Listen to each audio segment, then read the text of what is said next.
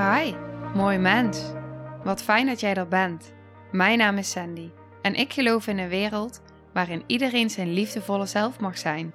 In deze podcast praten we openlijk over alle struggles die je tegenkomt op het moment dat je tegen jezelf aanloopt. Vanuit mijn kennis en ervaring deel ik levenslessen en geef ik je inspiratie hoe jij vanuit pijn en angst weer voor liefde en vertrouwen kunt kiezen, zodat jij, dwars door het donker, de weg terug kunt vinden naar het licht in jezelf. Welkom bij de Liefdevolle Strijder Podcast. Hey, hallo, wat fijn dat je weer luistert. Dank je wel. Super tof. Nou, ik ga je vertellen dat wij een hele actieve aflevering gaan hebben, waarbij ik je echt aan het werk ga zetten. Ik ga je laten nadenken, ik ga je een oefening laten doen. Ik heb er zin in, ik ben er helemaal klaar voor, ik hoop jij ook. Je hebt wel even wat spulletjes nodig. Dus wat je nodig hebt, ik weet niet of je een journal hebt. Als je die hebt, ga je journal pakken. Pak anders gewoon papier. Je agenda is heel belangrijk voor deze aflevering. Een pen en eventueel gekleurde stiften, pennen of potloden in de kleur rood, geel en groen. Dus zet hem maar even op pauze, zodat je de spullen kan pakken. Nou, als het goed is, heb je de spullen gepakt. Misschien ook niet. Misschien zat je in de auto en dacht je, ja, dat gaan we nu niet doen. Dus zit er een langere tijd tussen. Kan allemaal. Maar fijn dat je er weer bent. Wat we gaan doen. Als eerste wil ik vast een stukje toelichten. Want ik weet niet of jij je erin herkent. Altijd maar druk zijn. Haast, geen tijd, volle agenda. Misschien heb je een gezin, misschien een eigen bedrijf. Misschien bij een opleiding aan het volgen. Of ben je gewoon heel druk met, met sporten en andere dingen, met vrienden. Je hoort het momenteel overal. En misschien herken je je er zelf ook wel in. De burn-out. Maar wist je dat mensen, voordat ze in een burn-out komen, energetisch al een hele lange tijd in een burn-out zitten? En er zijn een paar dingen heel essentieel in. Er zijn een paar dingen heel essentieel in hoe jij je agenda inplant. Dus als eerste wil ik aan je vragen: hoe vul jij nu je agenda in? Zet maar weer op pauze. Denk er even over na. Misschien vind je het een irritante vraag. Heel interessant ook als dat zo is. Denk er even over na. Zet me op pauze. En daarna weer verder. Oké. Heb ik nog een specifiekere vraag?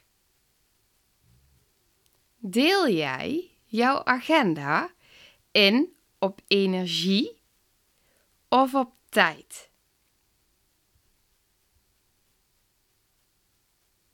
Hele belangrijke vraag. Denk er goed over na. Dus plan jij gewoon in, ja, daar heb ik een half uurtje vrij of daar heb ik een half uurtje vrij. Of kijk je echt, hmm, dit kost mij veel energie, dus dan plan ik hier iets wat mij energie geeft. Misschien wel tijd voor jezelf. Misschien een rustmoment. Misschien een meditatiemoment. Of even lekker wandelen in de natuur. Hoe plan jij je agenda in?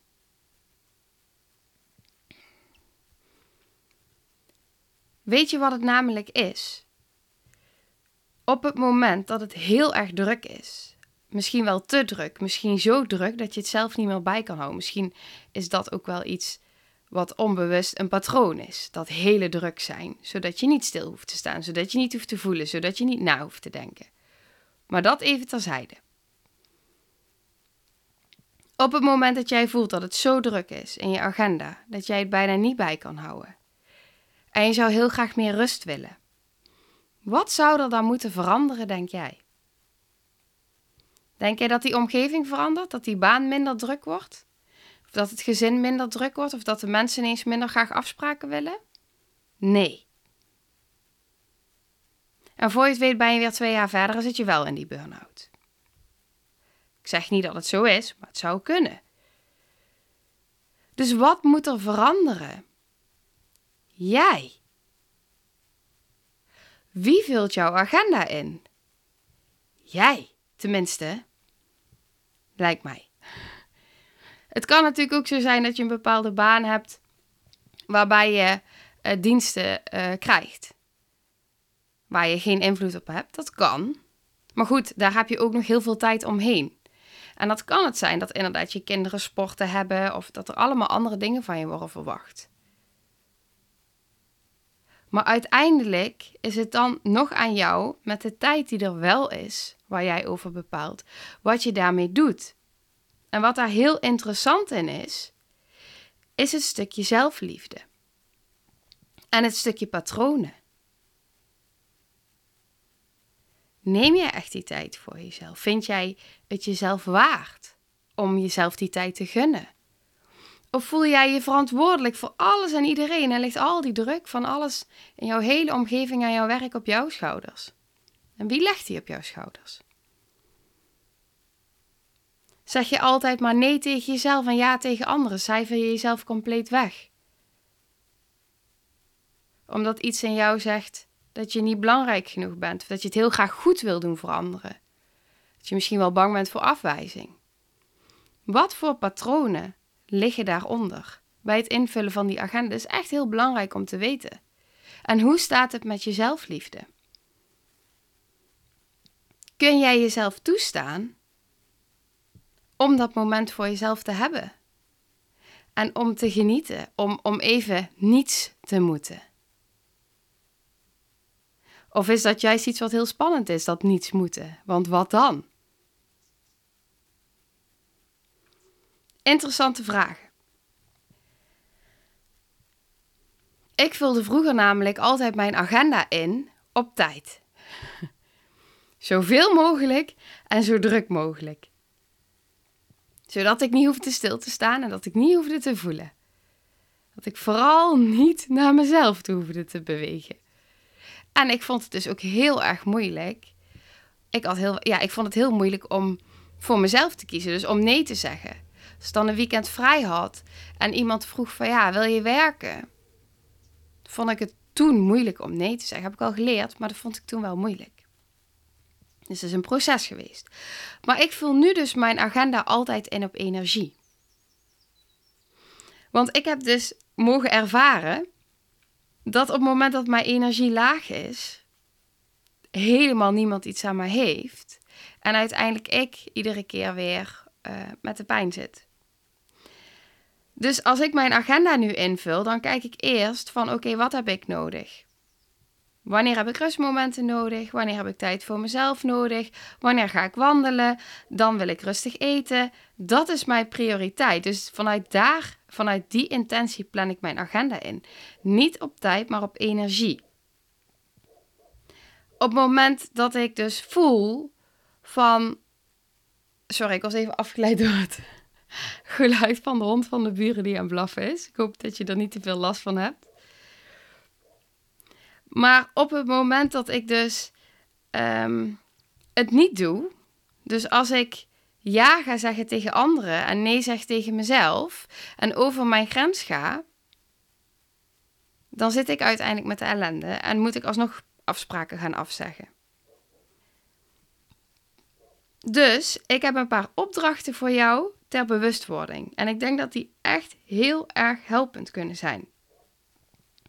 En als eerste is het belangrijk om te weten: wat geeft energie? Wat kost energie en wat is neutraal qua energie?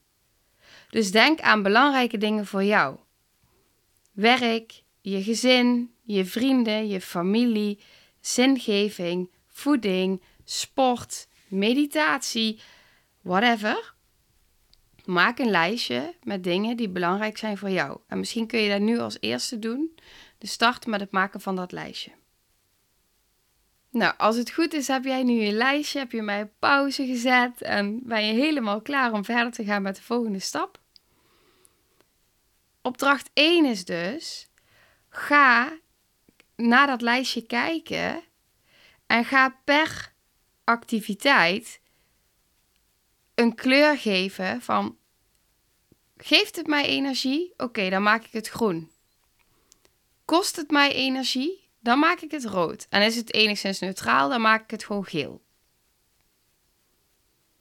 En als je dat hebt gedaan vanuit dat lijstje in je journal of op papier, dan leg je dat lijstje naast een ingevulde week in je agenda. Een week die al voorbij is, zodat je daar nu niks meer aan kan veranderen.